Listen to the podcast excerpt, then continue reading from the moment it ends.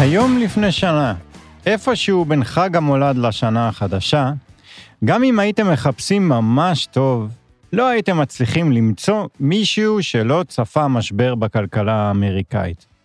היה ברור שהפד ימשיך להעלות את הריבית, ריסון האינפלציה נראה היה רחוק, וההערכה הגורפת הייתה שהמצב הנוכחי יביא לעלייה באבטלה, לצמיחה נמוכה שתביא בסיכוי סביר למיתון, וכל זה השתלב עם ביצועים צולעים בשוקי המניות בעולם.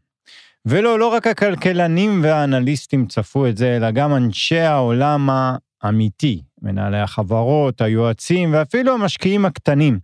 אף אחד לא ציפה שנסיים את 2023 בזינוק של יותר מ-40% בנסדק, תוך כדי שהאינפלציה מאטה והאבטלה לא מרימה ראש. והנה עברה עוד שנה ואנחנו שוב באותו מקום. האם התחזיות הפסימיות שלפני שנה התממשו ב-2024? או שאולי השנה החלומית שבדיוק עכשיו, בימים אלו, אה, אנחנו מסיימים אותה, תימשך. על כך נדבר היום בפרק נוסף של פודקאסט מנועי הכסף של כלכליסט, עם הכלכלן והאסטרטג הראשי של פסגות אורי גרינפלד. אהלן אורי. אהלן שי. אז בוא, אורי, אנחנו חילקנו היום את הפרק לחמישה חלקים. נדבר גם על המניות, גם על המטבעות, על האנרגיה, בעיקר על הנפט, קריפטו, ובסוף נרכז את שאר הגורמים האחרים שישפיעו. אתה יודע מה, בוא, בוא, בוא ישר נתחיל. תראה, אה, אה, אמרתי קודם נסדק, נסדק עשה 44 אחוזים השנה. אה, S&P, 24 אחוזים.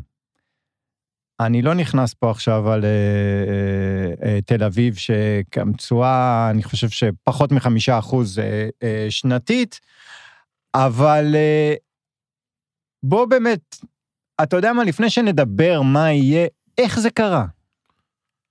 אה, אי אפשר להגיד שלא הייתה שנה חלומית בשוקי לא, המניות. תראה, קודם כל, אה, כדי קצת לצנן את ההתלהבות, אוקיי. צריך להגיד שהייתה שנה חלומית בעיקר בשבע מניות.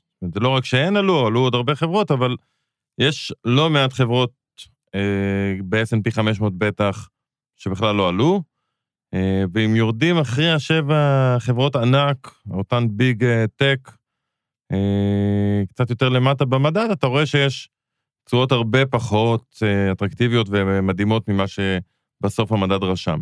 צריך לזכור שאלה שבע חברות שגם עלו מאוד, וגם המשקל שלהם בתוך המדדים הוא מאוד מאוד גבוה.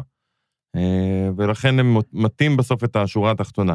אבל אתה יודע, עם כל הצינון הזה, כן, שנה מעולה בשווקים הפיננסיים, לא רק במניות, גם באג"ח.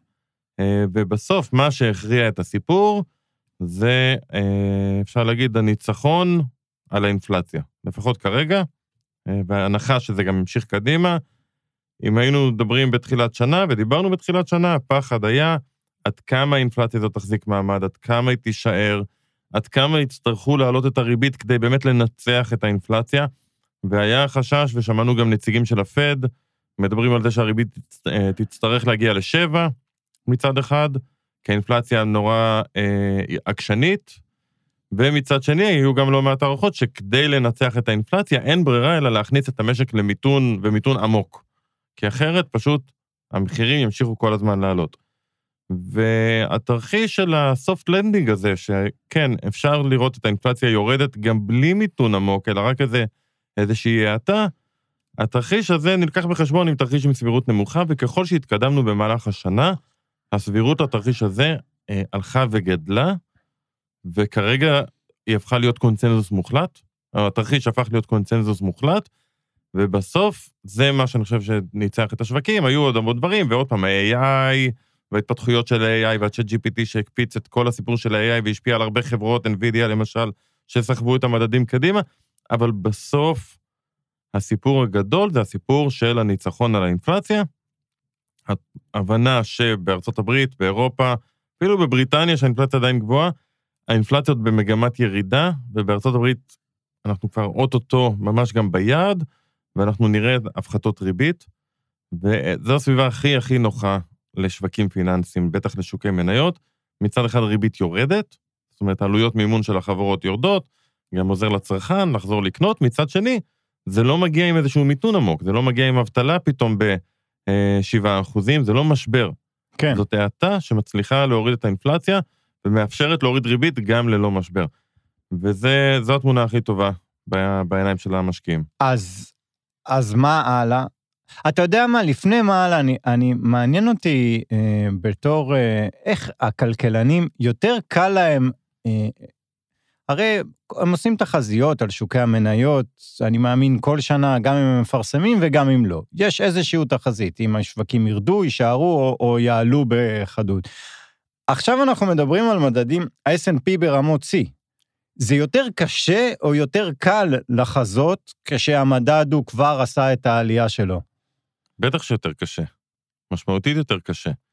כי הנה, בוא נראה את התמונה, עכשיו אתה מסתכל ל-24, ואתה מצד אחד לוקח את מצב המקרו, צריך לזכור, תמיד, הרי מה כלכלן שווקים עושה?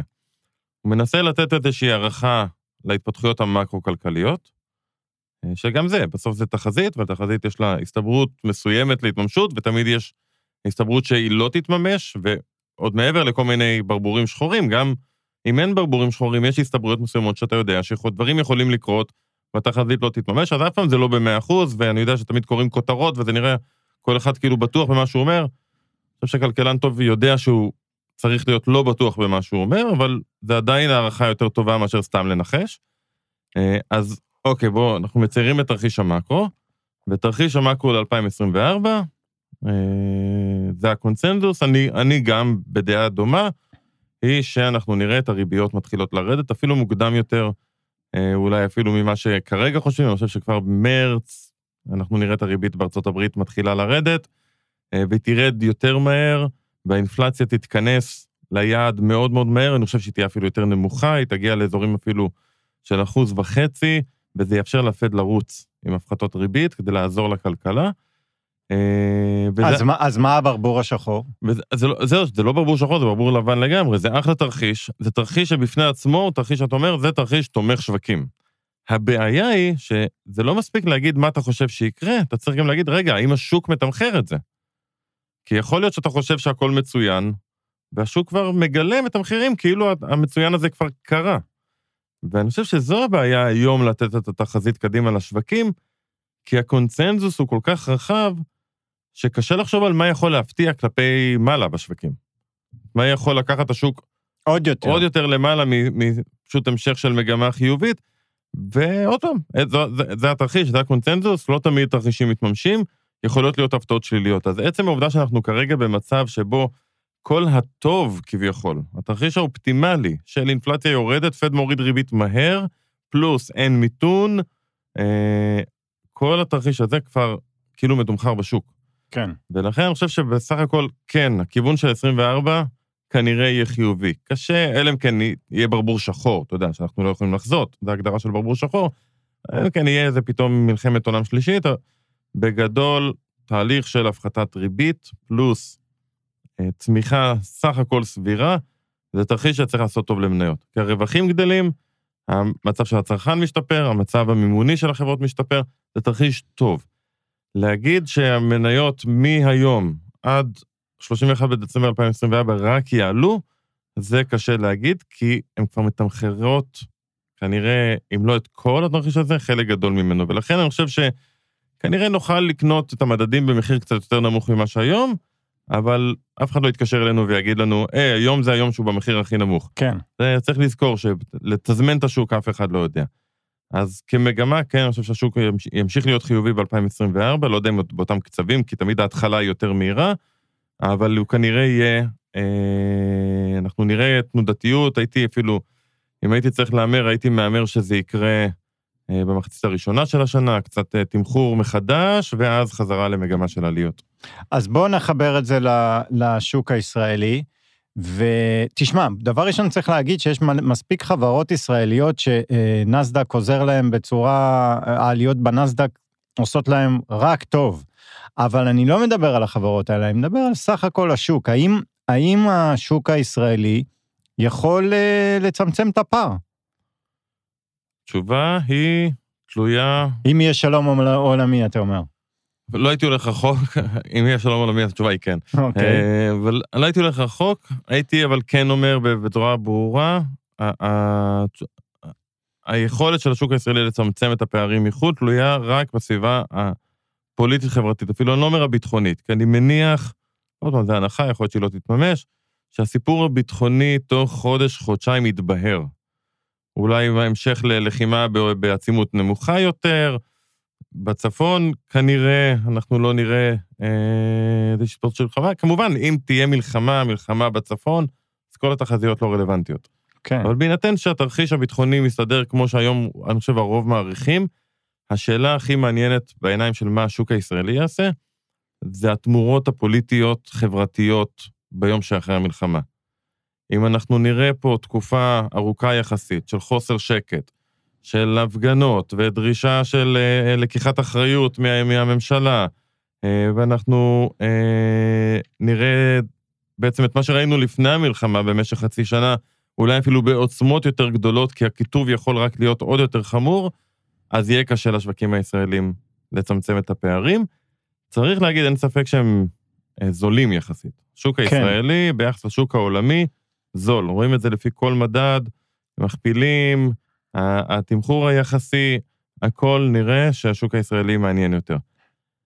כדי שהמשקיעים הישראלים, אני לא אפילו בונה על זרים שיבואו לקנות, כי זה לא, זה כנראה לא קורה. כן.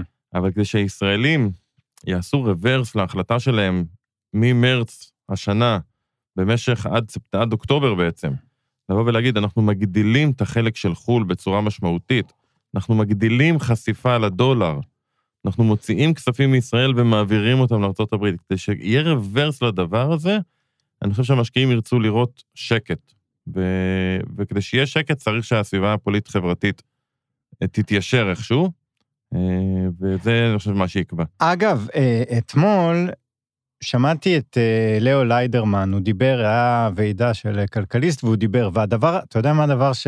א', בכללי אני מאוד אוהב להאזין לו, הוא, הוא אמר משהו מאוד מעניין. הוא אמר, אני לא מבין למה תרחיש הבסיס של כולם הוא לא אה, שנה של מלחמה. הוא אומר, אני מקשיב לרמטכ"ל, הוא אומר, יש פה שנה מלחמה, אני לא מבין למה... אה, אה, גם בנק ישראל, הוא אמר, אה, הרי התחזית של בנק ישראל היא, היא חצי שנה, כמה חודשים, רבעון, כן, בעצימות שנה. גבוהה, ואז ירידה לעצימות נמוכה. בדיוק. והוא אומר ש, שמבחינתו זו הסכנה, זו אחת הסכנות, שהתרחיש, כל התחזיות מתבססות על תרחיש בסיסי, כן, זה, זו, זו אולי הנחה שהוא היום. לא נכון. זו הנחה, שאם אם אתה תישאר ביצימות גבוהה, במובן שזה דורש עוד מאות אלפי חיילי מילואים במשך שנה, זה, זו פגיעה מהותית בכלכלה, זה, זה המון עובדים שפשוט לא נמצאים במקום העבודה, זה פוגע ביכולת, אה, בתוצר של ישראל, זה, אלה עלויות שאני לא בטוח שהשוק ידע להתמודד איתן מבחינת הנפקות אג"ח, זה אומר עליית תשואות, זה אומר ריביות יותר גבוהות, אה, מה שעוד יותר מקשה על הכלכלה. אה, תרחיש כזה של לחימה בעצימות גבוהה למשך יותר מעוד חודש, חודשיים, שזה לא נלקח, הוא צודק. זה לא התרחיש של האוצר, זה לא התרחיש של בנק ישראל, זה לא התרחיש של הרוב המוחלט של הכלכלנים. תרחיש כזה הוא תרחיש קשה. הוא תרחיש קשה לכלכלה, אה, גם במובן של הצד היצרני וגם במובן של העלויות. אה, להמשיך לשלם לכל כך הרבה חיילי מילואים כן. במשך כל כך הרבה חודשים, זה פשוט מיליארדים שהמדינה תצטרך לגייס בשוק, וגם ככה הגיוסים גדלו משמעותית מאז אוקטובר.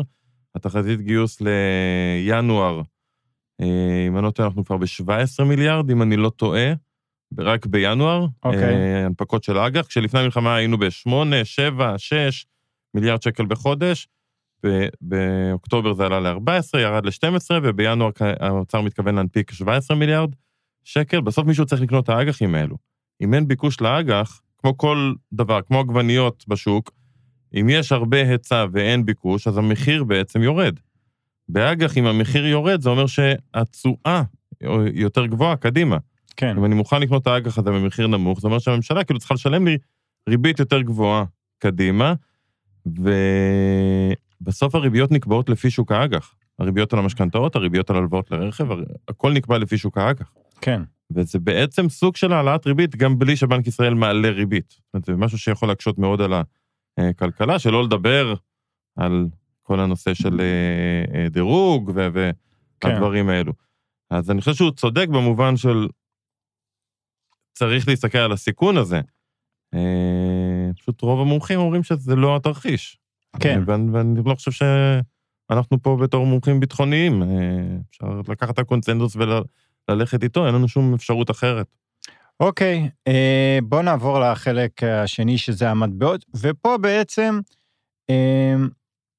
שני מטבעות מרכזיים, אה, אי אפשר להגיד מרכזיים, אבל דבר ראשון, הדולר. עכשיו, הדולר, יש לו מצד אחד, אם אה, התחזיות של השווקים שהפד אכן ימשיך להוריד את הריבית, אז הדולר ימשיך להיחלש, זה בתיאוריה. עכשיו, מצד שני, אתה אומר, בוא נשווה את הכלכלה האמריקאית לכלכלות האחרות, וסביר להניח שההתאוששות האמריקאית תגיע לפני הכלכלות האחרות, אז הדולר מתחזק.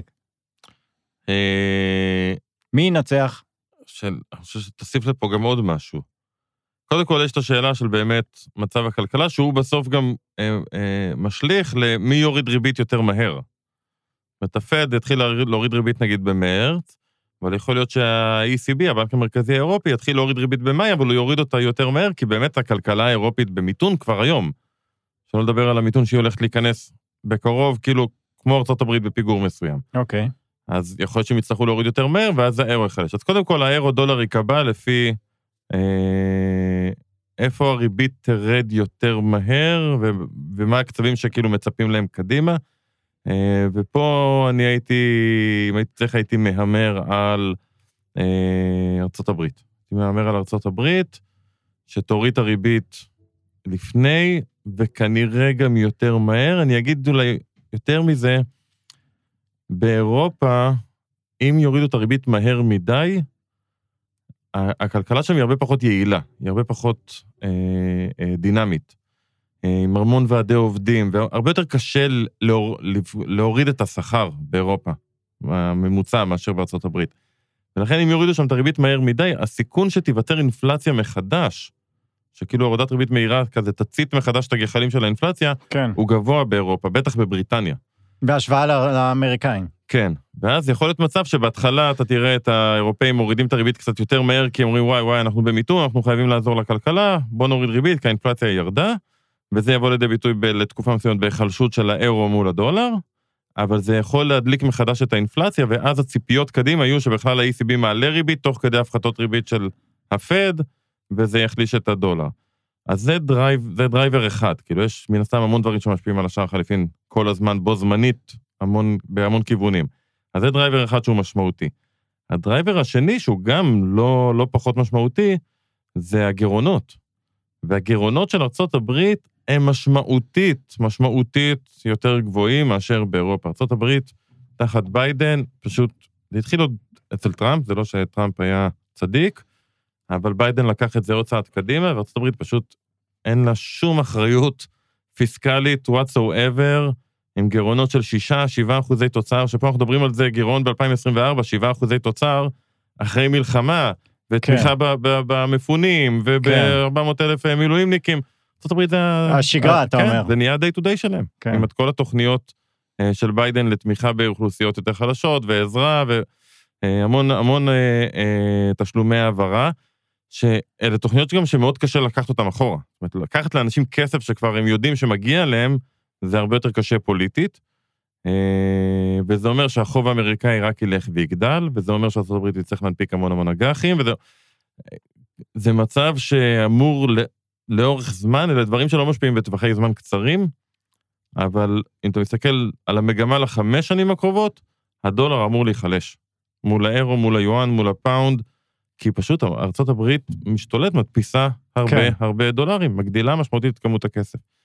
ולכן אני לוקח גם את הצד של הריביות וגם את הצד של הגירעונות, הייתי אומר שההסתברות לדולר נחלש מול המטבעות הגדולים מהעולם האחרים, היא נראית לי יחסית אה, גבוהה, אבל... שוב, בטווח הארוך, לא, בדיוק, לא, לא מחר בבוקר. ו... כן. בדיוק. כן. שערי חליפין אתה יכול כן, להסתכל רק שלוש, כן, ארבע, חמש שנים כן. קדימה, ולאורך השלוש שנים הקרובות הכל יכול לקרות. כן. אז רגע, אבל, אבל כן כמה, בוא נדבר אה, אה, שתי דקות על ה-ין. אתה יודע מה, לפני כמה ימים אה, פרסמנו בטלגרם של אה, מנועי הכסף, שאגב, הזדמנות אה, להזמין אתכם להצטרף אם לא הצטרפתם, תיכנסו למנועי הכסף בטלגרם. פרסמנו סקר מנהלי קרנות, ולא היה אחד שאמר, אני לא מהמר על ה-ין. זאת אומרת, אחרי כל ההיחלשות ההיסטורית של ה-ין, אחרי כל מה שהבנק עשה שם, כולם צופים שזה יסתיים השנה, ועיין אה, יהיה המטבע ששווה להשקיע בו. אז ברגע שכולם חושבים משהו אחד, זה כנראה לא יקרה. כן, זה אומר אה, דרשני. בדיוק. בטח כשנדבר על יפן, ש... אני חושב שלצפות משהו, לחשוב שאנחנו יכולים לצפות למשהו ביפן כלכלי, זה, זה מוגזם, כי פשוט זו כלכלה שעובדת אחרת מכל הכלכלות. על, על מה אותם מנהלי השקעות בונים? על זה שבאמת, יפן היא האחרונה שלא אה, שינתה את המדיניות של המוניטרית, את המדיניות של הריבית. כן. ביפן הריבית עדיין שלילית, ועדיין הבנק המרכזי קונה אג"חים כל הזמן. כל הזמן הוא קונה אג"חים, הוא חושב שהוא ב-2019 עדיין. האינפלציה התחילה קצת לעלות, בניגוד לכל העולם שהאינפלציה נהייתה פתאום 6, 7, 8, 9 אחוז, ביפן האינפלציה רוב הזמן, רוב תקופת הקורונה נשארה סבירה, כי היא קשה לייצר אינפלציה ביפן בגלל הדמוגרפיה, בגלל הרבה סיבות, זו מדינה די סגורה גם צריך להגיד, ו... ומשירות הריבית נמוכה. ועכשיו אנחנו רואים קצת עלייה באינפלציה, והתחילו ציפיות לזה שהם סוף סוף, בפיגור של המון המון שנים, יתחילו לעלות ריבית. נשמע כאילו סביר, אבל אני חושב שיש לא מעט סיבות להניח שאנחנו אה, יכולים להיות מופתעים מהיפנים. יפן במלכודת נזילות. מלכודת נזילות זה מצב שבו קשה מאוד להעלות את הריבית. כל 0.1 שאתה משנה בריבית פשוט יכול להשפיע כל כך חזק על הכלכלה, ויפן שמה, כי כל החוב מוחזק על ידי קרנות יפניות. אף אחד לא מחזיק בעולם אגרות חוב של ממשלת יפן. הם בצורה של אפס. מה, מה אתה להחזיק את זה? אז הכל החוב מוחזק בתוך יפן, וברגע שאתה מעלה קצת הריבית, זה יכול פתאום... בתשואה של אפס כי המדינה קנתה וקנתה וקנתה? כן, היא שומעת, זה, זה היעד שלהם. היעד של הבנק המרכזי היפני, הוא שינה אותו לפני כמה שנים, זה לשמור על התשואה, על אג"ח ממשלתי לעשר שנים ב-0.1. זה היעד שלהם, הם יעשו, הם נאלצים לעשות הכל כדי לעמוד ביעד. אז אם זה עולה מעל 0.1 במהלך המסחר, הם חייבים לקנות אגרות חוב כדי להוריד את התשואה חזרה ל-0.1. אם משום מה זה מתחת, הם יכולים לקנות פחות, אבל זה, זה כאילו ממש המטרה המוצהרת שלהם. אז המנהלי קרנות בונים על זה שיום אחד הנגיד יגיד, די... אה, אין את המטרה הזאת. בדיוק. עכשיו, היו סימנים, הם התחילו לפני שלושה חודשים, אם אני לא טועה, הם אמרו, אוקיי, זה לא חייב להיות בדיוק ב-0.1, אנחנו נותנים איזה מסדרון סביב ה-0.1. גם אם זה יהיה 0.2 לתקופה מסוימת, לא נורא. אחרי זה הם קצת הרחיבו את המסדרון הזה. כן. הם התחילו לדבר על הפחתת ריבית, אבל דווקא בהחלטת ריבית האחרונה שלהם, הם אמרו, לא, לא, אנחנו עדיין שומרים על המדיניות הזו. ועוד פעם, יהיה להם פשוט מאוד מאוד קשה לענות ריבית, ואני חושב שכדי שהם יעשו את זה, הם צריכים להיות במצב של אין ברירה. מצב של אין ברירה ביפן, זה אומר אינפלציה גבוהה של 3-4 אחוזים שנשארת ככה. אם נהיה שם ולא תהיה להם ברירה, אגב, זה יוביל למיתון כנראה עמוק ביפן, מצב כזה. אבל אז יכול להיות שהיין קצת יתחזק מול מטבעות אחרים בעולם. אני לא הייתי ממהר, יפן זה מקום מוזר. אתה יודע, כן, מדינה עם חוב, כן. חוב לתוצר של 250 אחוז, כל מדינה אחרת מזמן כבר הייתה פושטת רגל. ביפן זה נורמלי, כן. ממשיכים לחיות וזה לא מוביל לשום אינפלציה ולשום איזושהי פיחות אה, חד במטבע. הם גם נורא סגורים, זה בסוף, זה אי, אבל זה גם כן. אי במובן הכלכלי. כן. כן. אוקיי, אה, אה, הסעיף הבא הוא הנפט. עכשיו, אתה יודע מה, נזכרתי במה שדיברנו לפני שנה, אה, לא, לא יודע אם לפני שנה, שכשפרצה המלחמה עם אוקראינה, בין אוקראינה לבין רוסיה, שעברנו שנה, ואמרנו, אה, וואלה, בסופו של דבר הנפט עשה תנועה, למ...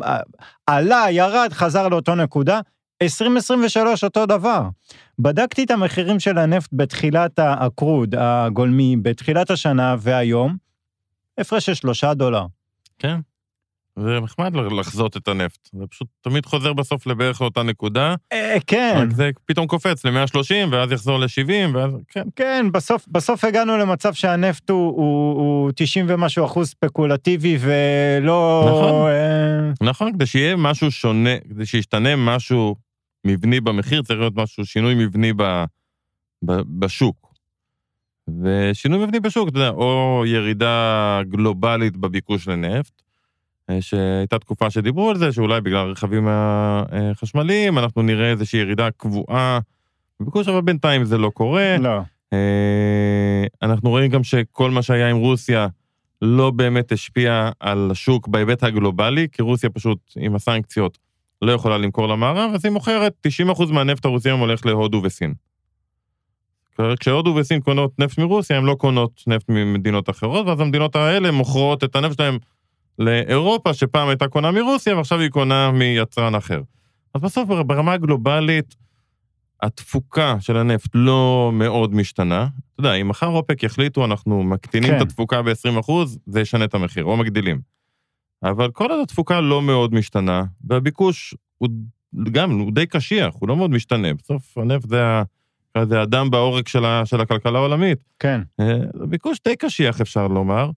אבל- אה, אנחנו גם יכולים לראות שבסוף ממשיכים אה, לשוט בתעלת סואץ, וח- וחלק כן, מהחברות אבל גם חזרו. זה היה לי ויכוח השבוע עם אה, כמה מנהלי השקעות באיזשהו גוף, שבאו ואמרו, בגלל הסיפור של החות'ים וכל מה שקורה אה, בתעלת סואץ, האינפלציה העולמית תחזור, או האינפלציה בנפט תחזור. ואני חושב שצריך לקחת דברים בפרופורציות. הסיפור של החות'ים, הסיפור של הסגירה, נקרא לזה, של, ה- של אה, תעלת סואץ, זה גם לא סגירה הרמטית קודם כל, כן. אבל גם אם היא הייתה הרמטית, זה, זה שונה לגמרי מהתקופה של הקורונה, כולם עוד בטראומות קורונה. הקורונה היה מצב אחר, הקורונה היה מצב שפשוט לא היו אוניות. בגלל שאנשים היו בסגרים, לא היו עובדים, אי אפשר היה לפרוק אונייה, היה לוקח, מה שפעם לקח חצי יום, לקח פתאום שבוע. ונוצר פקק, אני זוכר את המספרים כן, שהיו מפרסמים כל יום, מחוץ לנמל ב- בלוס אנג'לס, כן, כן. 140 אוניות חונות ומחכות לפריקה. אנחנו לא שם, אוניות יכולות לשוט, הן פשוט במקום לשוט 8,000 מייל, שתות 12,000 מייל.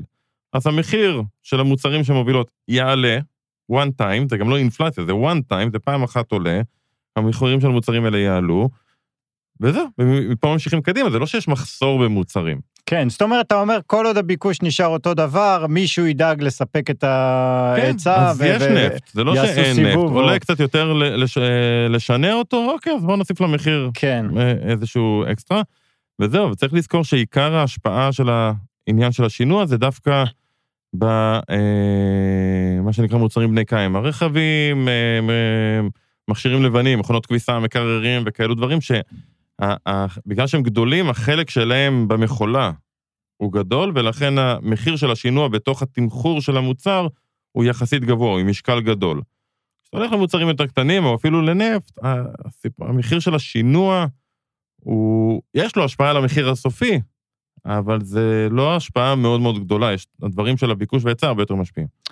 אוקיי. אה, הנושא הבא, אנחנו אה, בחרנו קריפטו, אבל אתה יודע מה? אפשר אולי להכניס בפנים גם, לדבר גם על ה-AI. אה, בתוך הקריפטו, אני מזכיר לך שדיברנו עם אורי ארדמן, והוא אמר לנו על האירוע שהולך לקרות בינואר, ועם ה-ETF של, אה, על הביטקוין, ובסך הכל, אגב, הביטקוין 160 אחוז עשה מתחילת השנה, הערך של המטבע, לכל מי ש... איך היית קונה פיצה בביטקוין לפני שנה? כן, לגמרי. אז דבר ראשון, אמ, טוב, אי אפשר לענות על השאלה הזאת. רציתי לשאול אותך אם אה, זה ימשיך, ברור שירד, אבל- מה זאת אומרת? ירד, כן. ירד. הוא- הוא, אבל אי אפשר להתעלם מזה שהוא מתחיל ומתחיל להגיע למיינסטרים של וול סטריט, וזה סיפור. זה דבר ראשון. ובהקשר לזה, גם אתה יודע, אה, אה, AI אה, חד משמעית הולך להשפיע על השווקים. אנחנו עוד לא יודעים איך, הוא כבר התחיל להשפיע. אני זוכר שקראתי איזשהו סקר כמה משתמשים בשיחות הוועידה ברבעון האחרון במילה AI, ואתה רואה את הגרף כמעט מאונח. כן. אז זה, זה משהו שיהיה משמעותי לשווקים, או לא יהיה משמעותי, או שזה יהיה עדיין ברקע? עכשיו, נתחיל דווקא מהביטקוין קודם. הביטקוין, צחקתי קודם, שמעתי ברור שירד, לא יודע, אה, אבל אין ספק שהסיפור שנכנס ETFים, זאת אומרת, קרנות שנסחרות בבורסה הרגילה, שעוקבות אחרי מחיר הביטקוין, זה, זה, it's a game changer. זה, זה כן סיפור שונה, כי זה מאפשר בעצם להרבה אנשים שלא הייתה להם גישה קודם לביטקוין, זאת אומרת, הרבה נתקעו, צריך להגיד. הרבה אמרו, אוקיי, אולי נקנה ביטקוין, ואז ראו מה צריך לעשות כדי לקנות ביטקוין, זה לפתוח ארנק דיגיטלי. כן. אה, אני צריך ארנק חם, אני צריך ארנק קר, זאת אומרת, משהו שאני צריך לסחוב איתי כל הזמן, אני צריך לזכור איזו סיסמה של 24 אה, אותיות, איפה אני ארשום אותה, איפה אני אחביא את הפתק, אם ימצאו לי, אם אני אאבד את הפתק, אני מאבד את כל הכסף. אם העוזרת תמצא את הפתק לפניי. כן. אז, אז היה איזה מחסום ממש טכנולוגי במובן הזה, ויכול להיות שברגע שיש קרן שאתה יכול לקנות דרך הבנק, אה, שעוקבת אחרי מחיר הביטקוין, זה כאילו פותח את העולם הזה של הקריפטו להרבה יותר אנשים, וכאילו מייצר ביקוש מאוד גבוה. עם זאת, עוד פעם, כדי לשפוך קצת מים צוננים על כל הסיפור, אם מחר יהיה איזה עוד הונאה בעולם הקריפטו, שאנחנו כל כמה חודשים שומעים על איזושהי הונאה שמה, איזה פריצה לארנק גדול, אה, או קריסה של איזה מטבע מסיבות כאלה ואחרות, כמו שהיה עם הלונה, ופתאום אנחנו נראה את המחירים נחתכים, כמו שקורה לא מעט בעולם של הקריפטו, זה שוק מאוד מאוד מאוד תנודתי, אז זה נחמד שיש קרן נאמנות, רק אף אחד לא ירצה לקנות אותה. אז, אז זה כן Game Changer במובן שזה פותח את העולם הזה לציבור הרבה יותר רחב, אבל עדיין צריך שיהיה ביקוש לביטקוין, ובדרך כלל הביקוש לביטקוין מגיע כשהביטקוין עולה. כן. אה, אז במובן הזה אבל, זה לא אבל... לא שינה הרבה, זה רק יכול להפוך את העוצמות ליותר גבוהות. אבל מה אם... שזה בעיה, אני חושב, בעיניים של הביטקוין. כן. אם כשזה יעלה, זה פתאום יעלה ב-300 אחוז, ואז ירד ב-70 אחוז, זה כי, כי כולם ימכרו מהר את הקרנות שלהם, בניגוד לביטקוין רגיל, שאתה לא יכול למכור כל כך מהר, אם אתה יכול למכור את ה... אז או שזה יביא להפסדים גדולים ליצרניות של אותן קרנות, כי הם לא יוכלו לעקוב אחרי הנכס עצמו, או שפשוט התנודתיות תהיה הרבה יותר חזקה ממה שהיא, וזה רק יפגע בסופו של דבר. אבל מה עם החלק הזה, שאני חושב שגם דיברנו על זה בשבועות האחרונים, שהם צריכים את הביטחונות, ומה שאומר בביטחונות, שהם ממש יחזיקו בפורטפוליו כן, שלהם. אבל, אבל הם יצטרכו ביטחונות רק אם לקוחות ירצו לקנות כן, את הקרן כן, שלהם. כן, כן. אם, אם הביטקוין מחר ירד ב-40% מאיזושהי סיבה, לא יודע, זה ברבור שחור בעולם הקריפטו, אה, אז אף אחד לא ירצה לקנות את הקרן, אם אף אחד לא ירצה לקנות הם לא יצטרכו לקנות את הביטקוין עצמו, ואז בעצם אין לזה כאילו השפעה. אז זה כן פוטנציאל במובן של ציבור הרבה יותר גדול, אבל הדברים שישפיעו על, על הביטקוין הם עדיין אותם דברים, להפך, אני חושב שאם תהיה תנודתיות חדה מדי, יש פה, זה גם מייצר סיכון לעולם הזה, זאת אומרת, זה מה שצריך להבין. כי זה או מייצר תנודתיות חדה מדי, שזה גם לא טוב, כי אם אתה בונה על זה מתישהו להיות מטבע, אתה לא, אתה לא יכול מטבע תנודתי. עוד פעם, אם קנית פיצה ופתאום זה כאילו המטבע שלך נשחק ב-160 אחוז. כן. אז אתה לא יכול שזה יהיה תנודתי מדי. אם זה לא יהיה תנודתי, זה בגלל שחברות הקרנות לא מצליחות לעקוב אחרי הנכס בסיס, ואז זה עוד יותר בעיה, כי פתאום הבינו שהקרנות האלה זה קשקוש, ושהן לא באמת שומרות לך על הערך של הביטקוין, ואז בכלל, אה, כל הדבר הזה יקרוס. זה, זה עולם לא פשוט, כרגיל. המון סימני שאלה. אה, כן, ולנחש אה, איפה יהיה הביטקוין שנה הבאה, אנחנו, אני לא יודע. מה שכן לגבי ה-AI, אני חושב שאנחנו בחיתולים של הסיפור של ה-AI. ראינו בשנה האחרונה את ההשפעה, ראינו בעיקר אה, בחברות, ב, ביצרניות AI נקרא לזה, אם זה מייקרוסופט, אם זה גוגל, שהתחילו לפתח מנועים. ראינו את זה ב... ב אה, יצרנית, אה, ביצרניות חומרה, ב-NVIDIA. אה, זה כמו בבעלת הזהב, מי שמכר תאי חפירה עשה הרבה כסף, זה NVIDIA. אני חושב שאנחנו נראה ב... לא יודע אם רק ב-24, זה כמובן תהליך שייקח עוד הרבה שנים, אנחנו נראה את ההטמעה של מנועי AI בעוד ועוד ועוד מקומות, ענפים, שהיום אנחנו לא בטוח אפילו מצליחים לחשוב על זה, וזה, מה שזה יגרום, זה יגרום בעצם להתייעלות מאוד גדולה בהרבה חברות, בהרבה ענפים, וזה יתרום בסוף לרווחיות של החברות. אה, שזה יתרום בסופו של דבר, אין אין מה לעשות, ל- לערך המניה לעלות. כן, בדיוק. ולכן ה-AI, אני חושב שזה סיפור גדול ברמה של השווקים בהסתכלות לעשר שנים הקרובות, כי זה, זה מנוע התייעלות מאוד מאוד חזק. אוקיי, עוד, עוד צפויים הרבה, אבל uh, גם מאבקים משפטיים עצומים. דרך אגב, השבוע היה ניו יורק טיימס, תבע את גוגל, uh, את מייקרוסופט על ה-open AI. הוא אומר, איך אתם מרשים לעצמכם להשתמש במנוע שלכם מהטקסטים שלי?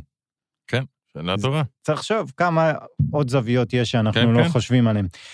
אוקיי, ואנחנו נכנסים לסיום. בסעיף הזה, שוב, שמנו את כל האירועים, איך לקרוא להם? שאי אפשר לצפות, או... חוות ברבורים שחורים. ח... מה זה? והשנה זה נראה כאילו יותר מתמיד.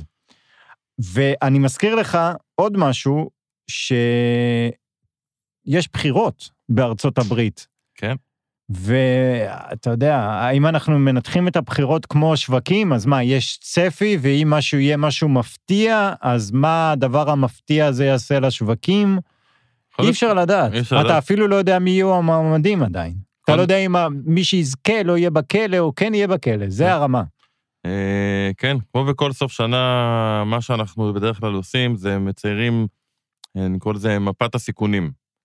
אה, ומפת הסיכויים גם. זאת אומרת, יש המון, זה אפילו לא ברבורים שחורים, זה ברבורים אפורים, כי אתה יודע שיש בחירות. כן, זה לא... זה לא... יהיה- יהיו בחירות, אסטרואיד מה שלא שנוחת יהיה, על כן. כדור הארץ. אה, ויש המון סיכונים, ואתה צודק, יש כמעט בכל מקום בעולם גם. אה, מעבר לדברים הרגילים של ריבית, אינפלציה, אולי אינפלציה תפתיע. אז יש לך בחירות בארצות אנחנו הברית. מדברים בארצות הברית, כן? כן. בישראל אתה לא יודע אם יהיה בחירות, אין לך בכלל מושג. אני, כן. אה, בוא, בוא נתחיל בעולם. ארה"ב יש לך בחירות, שאתה עוד לא בדיוק יודע מי המועמדים. אה, אתה יודע מי כרגע בכותרות, וזה טראמפ וביידן, אבל לך תדע אם בסוף הם באמת יהיו המועמדים. ובדרך כלל מה שהבחירות עצמן, קודם כל, עד הבחירות זה כן מייצר תנודתיות, כי בעולם, ב- בתקופה של השנים האחרונות, הדרך ל- לעשות קמפיין זה להוציא כותרות מפוצצות, אה, אז זה כן. מייצר המון המון תנודתיות.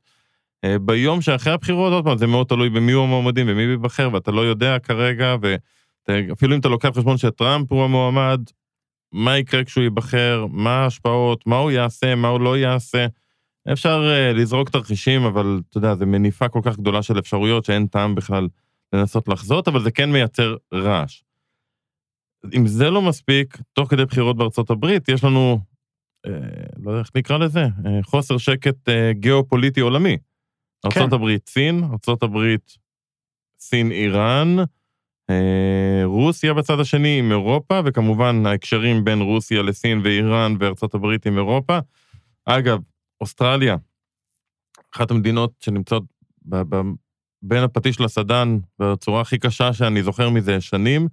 אה, האמריקאים רצו שהאוסטרלים יעזרו להם בשמירה על ה... בים, בצי שהם בונים. אוסטרלים בבעיה, הם מצד אחד רוצים להיות במערב, הם תופסים את עצמם כמדינה מערבית, מצד שני הם תלויים תלות כלכלית אה, לחלוטין בסין, והם פשוט לא יודעים מה לעשות. הם הם ישתפו יותר מדי פעולה עם ארה"ב, הסינים מה- יתקדמו מה, בהם. עסקאות סחר? אה, עסקאות סחר. כן? אוסטרליה וסין הרי מאוד מאוד קרובות, כן. אה, ומייצאים המון לסין. אה, אז הם נמצאים ממש בבעיה. אז אני חושב שזה זה הברבור האפור הכי הכי גדול, זה באמת כל הגיאופוליטיקה ולאן זה יוביל, וזה גם מתקשר כמובן למלחמה שלנו פה. אירופה, אני לא חושב שיהיה שקט השנה. עוד פעם, עם הנושא של הריבית והאינפלציה, וההגירה שיש, ואנחנו רואים עלייה של יותר מפלגות אנטי-הגירה, אה, ואם החוסר שקט הגיאופוליטי מתעצם, זה משפיע על הפוליטיקה בתוך אירופה. אה, סין, הבועה מתפוצצת, אה, כבר מתפוצצת שנים, אבל כל פעם הסדקים מתרחבים ומתרחבים, הם עשו רק לפני שבוע וחצי, הם הבינו שהם לא מצליחים להתאושש. המצב הכלכלי בסין לא התאושש מאז שהם פתחו את הקורונה. כן. הם עדיין בקשיים אה, משמעותיים, אז הם אמרו, אוקיי, אז בואו עוד פעם נזרים אוויר חם לכלכלה והזרימו כסף לבנקים כדי שיוציאו את זה כמשכנתאות, כדי שיבנו עוד בתים. יש 100 מיליון בתים ריקים בסין, אז הם אומרים, טוב, בואו נבנה עוד קצת. אה, סין גם בבעיה בפני עצמה, כמובן שקשורה לכל הסיפור הגיאופוליטי, ובסוף אתה מגיע לפה, ולהגיד שפה יהיה, יהיה רגוע, זה כאילו, אתה יודע, זה אפילו לא wishful thinking, זה פשוט אה, מנותק. כן. אה, אז גם זה יעשה לנו עוד הרבה רעשים. קיצור, הולכת להיות שנה... אה, לא חושב, פשוטה. לא פשוטה בכלל, אה, ונכון שאחרי 23 נראה כאילו הכל יהיה יותר טוב, אני מאוד מקווה שיהיה יותר טוב, אה, אבל אה, לא לצפות לשנה שהכל אה, שושנים ו- וחדי קרן. לא, לגמרי. אמ, אוקיי, אז הגיע הזמן אה, לעבור לפינת האסקפיזם שלנו. אתה רוצה להתחיל? אה, בכיף. אז עשיתי חיפוש בגוגל, רציתי לחפש את ההמצאות הכי מעניינות של 2023 בעולם ההייטק. אוקיי. ה-innovations, the weirdest innovations אה, ב-2023, אז יש פה באמת כל מיני דברים נורא חמודים ומגניבים, מרובוט שהוא בעצם איזה שהוא סוג של אה, כמו אוגר בתוך כדור שמתגלגל והוא יודע גם לעוף, ומשהו שנראה מאוד מאוד מגניב, ובטח הוא יודע, הוא יודע לראות? ישימו עליו שני רובים עם AI וכל המלחמות אה, ייפתרו, אה, כולל כל האנושות. אה, יש פה שני דברים שפשוט ראיתי שהיו באמת מוזרים. אחד, לאופנוענים, ג'ינס עם כריות אוויר בתוך הג'ינס. אופנוענים אומרים, רגע, אם יש לנו תאונה, אין לנו כריות אוויר. זה מעולה. אז מתחילים לייצר ביגוד עם כריות אוויר מובנות בתוך הביגוד, שאם אתה עושה תאונה, פשוט אתה מתנפח כמו איזה בלון. יש מעיל כזה כבר. אז יש כבר מעיל, אז, כן. אז, אז יש איזו חברה שמייצרת את הג'ינס הזה, שהם הוציאו את זה ב-2024. יש פה עוד כל מיני דברים חמודים, רובוטים שמנקים, ורובוטים ששומרים, ומכוניות מעופפות, וכל מיני כאלה, אבל הדבר הכי יפה שראיתי, זה בעצם רובוט שאתה מתקין אותו ליד המיטה שלך, הוא, הוא נורא קטן, זה זרוע אחת, אה, שהוא עם מנוע AI, הוא לומד אותך, והוא עושה לך מסאז' כל ערב במיטה. מה אתה אומר? אתה לוחץ על הכפתור והוא לומד איפה יותר תפוס, איפה פחות תפוס, הוא מרגיש את זה. אתה פשוט שוכב במיטה שלך, הזרוע מגיעה, עוברת לך על כל הגב, על הרגליים, על הצוואר, איפה שאתה רוצה. אני ממש מחכה לפיתוח של הדבר הזה. נראה לי כמו אה, העתיד, מה רע? העתיד שאנחנו באמת רוצים. כן. מה- מה שאני מצאתי, תשמע, לפני שנה זה היה אחד הנושאים שהכי הטרידו אותנו, ואני מקווה שזה יחזור להיות הנושא שהכי יטריד אותנו. מי הכוכב הבא לאירוויזיון? לא. אה, אקלים. אתה זוכר את זה? מרגיש קצת חם. אה, כן, אבל זה לא מעניין כרגע אף אחד, ובצדק. אה, אז כדור הארץ סיים, יש, יש דילמה עכשיו בעולם מבחינת המנהיגים. למה? מפני שכדור הארץ סיים את השנה החמה ביותר שלו ב-174 השנים האחרונות. יכול להיות שהיא הכי חמה ב-125 אלף שנים האחרונות, תלוי שוב בשיטת המדידה ואיפה. אמ, אני מזכיר לך שהיו שיאי טמפרטורות באריזונה, בארגנטינה, שריפות בקנדה, לא, היה, לא הייתה שנה רגועה מבחינת האקלים. אה, אגב, לפני אה, 56 אה, מיליון שנה, אה, הייתה סערה גיאולוגית שהתוצר שלה היה התוספת של הפחמן הדו-חמצני לאטמוספירה זהה לתוספת שהייתה בשנה שעברה. עד, כ- עד כדי כך הייתה שנה קיצונית מבחינת מזג האוויר. אבל מה העניין? אתה אומר, וואי, כן, התחממות וזהו. המדענים, הם לא יודעים איך לק... לאכול את השנה הזאת, מכיוון שזה דבר ראשון בשביל להגיד, הנה, עכשיו אנחנו במגמה של התחממות, אתה לא יכול לקחת את השנת שנת קיצון הזאת ולהגיד, אה, טוב, מעכשיו אה, רע, רע, רע. כן. כמובן שיש כאלה שאומרים את זה. בעיה לעשות אה, החלטה על סמך מדגם של תצפית אחת. נכון, כן. בדיוק. מצד שני, הם גם אומרים, אלה שאומרים, בואו נחכה איזה שנה, שנתיים, נראה, הם אומרים, תקשיב, השנה זה השנה של ניניו, שגם לא מדברים. אל ניניו זה איזושהי תופעה שקורית ב- ליד אה, פר, אה, דרום אמריקה, פרו, אם אני לא טועה, שמשפיעה על האורגניזם שמתחיל משם, ומשפיע גם עלינו, גם על המזרח התיכון, גם על אה, כדור הארץ, ונורא קשה לצאת במסקנות בשנה של אה, אל ניניו. אז uh, הם נורא חלוקים, ויהיה מאוד מעניין לעקוב אחרי זה. אגב, uh, דיברתי היום עם, uh, לפני הפרק עם הכתבת איכות סביבה שלנו, שני אשכנזי, והיא אמרה לי שעד כדי כך העולם השתגע מהאקלים, שאתה זוכר, ועידת האקלים הקודמת הייתה באחת המדינות הכי יצרניות נפט שיש. זאת אומרת שהכי נגד האקלים, והשנה זה הולך להיות באזרבייג'אן, שהיא עוד יותר אה, יצרנית נפט ו... ופוגעת בסביבה. זאת אומרת, אתה יודע, בלאגן אחד שלם. וכולם גם יגיעו מטוסים פרטיים, אז זה בכלל... אה, כן, בדיוק. אוקיי, תודה רבה שהאזנתם, נשתמע בשבוע הבא.